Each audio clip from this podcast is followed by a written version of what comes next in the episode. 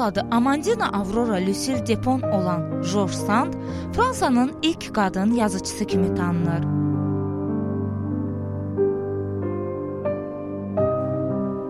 Özünü heç vaxt feminist hesab etməsə də, çoxları onu feminist kimi qələmə verir. Kişi kimi geyinib, kişi ləqəbi ilə də əsərlər yazan bu xanım Fransa mətbuatında kişi üzlü qadın yazıçı kimi məşhurdur.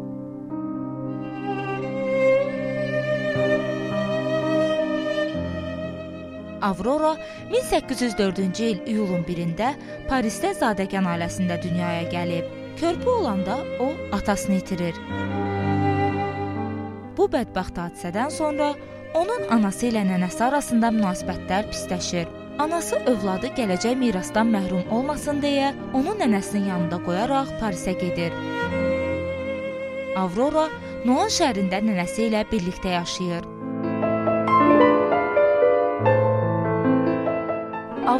Rahibə olmaq qərarına gəlir.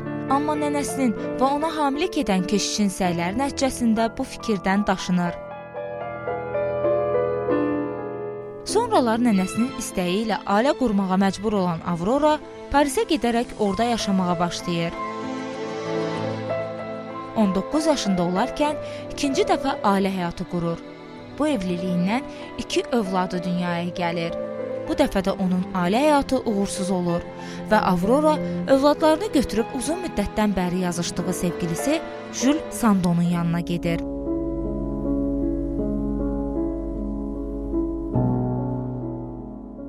19-cu əsrdə yazıçılıq Fransada xanıma yaraşmayan peşə sayıldığından Aurora ilk əsərlərini sevgilisi Julun imzası ilə çap etdirir. Lakin bir müddətdən sonra o özünə George adlı kişi ləqəbini və sevgilisinin soyadını götürüb özünü George Sand adlandırır. Adı ilə yanaşı qarderobunu dəyişir və kişi kostyumları geyinməyə başlayır. Gününün çox hissəsini yazmağa həsr edən xanım yazıçı tezliklə bütün Fransa ədəbi mühitinin diqqətini özünə çəkir. 28 yaşında nəşr etdirdiyi ilk romanı Indiana ona gözlədiyindən də böyük uğur gətirir. 1832-ci ildə yazıçının ikinci romanı Valentina çap olunur. Bu ikinci uğurdan sonra George Sand özünü bütünlüklə yaradıcılığa həsr edir və qısa zamanda Melxior əsərini yazır.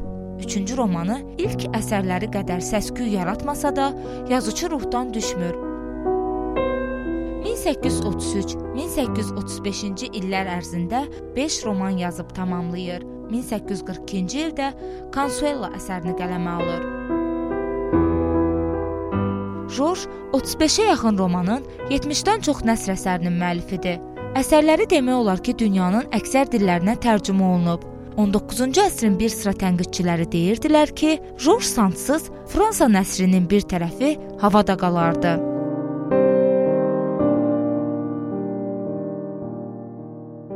George Sand ən böyük sevgisini dünya şöhrətli polyak bəstəkar Chopin-lə yaşayır. Sandla tanış olduqdan sonra Chopin onun haqqında bu sözləri deyir: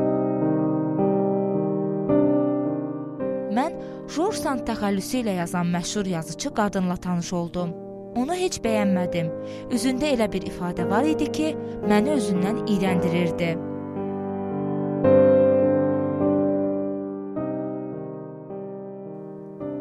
Lakin sonra bəstəkar onu özündən iyrəndirən bu qadına aşiq olur.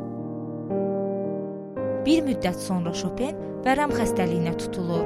Sand Chopin çox zəif və kobud biridir deyərək ondan ayrılır. Bəstəkarın vəziyyəti daha da ağırlaşır. Ayrılıqdan bir il sonra gözlənilmədən Chopin sağalır. O 1848-ci il noyabrın 16-sında Londonda möhtəşəm konsert verir və çox böyük uğur qazanır. Günlərin birində aşiqlər qarşılaşır. Sand onun yaxşı olduğunu görüb bəstəkara verdiyi bütün ağrı-acıları yada salaraq münasibətlərinin yenidən qurulması üçün ona əl uzadır. Lakin Chopin geri çəkilib bir kəlmə də danışmadan onu tərk edir. 1849-cu il oktyabrın 17-sində Chopin o mənə söz vermişdi ki, mən onun qolları arasında öləcəyəm deyib vəfat edir.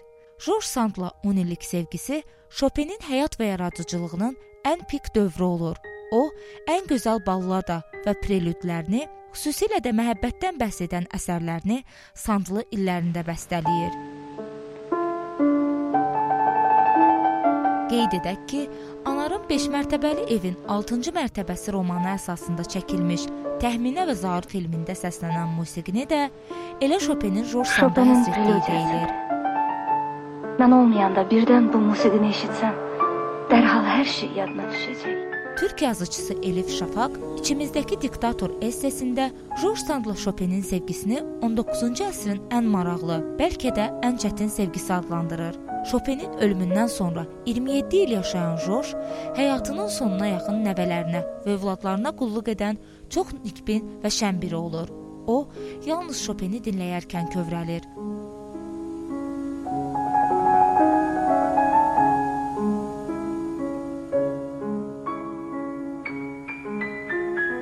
George Sand 1876-cı il iyunun 8-də Muanda vəfat edir.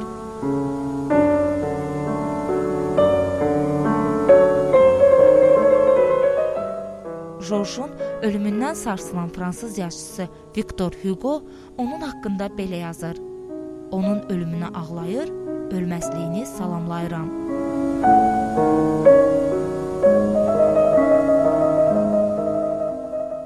George'un ölümündən öncəki son sözləri isə belə olur: Yaşıllıq saxlayın. Bu onun qəbrinə aid vəsiyyəti idi. Qəbri üstündə başdaşı qoyulmamasını, otların arasında itib batmasını arzulamışdı. Həyatı boyu diqqəti cəlb edən Josh ölümündən sonra qəbrinin gözdən itməsini istəmişdi.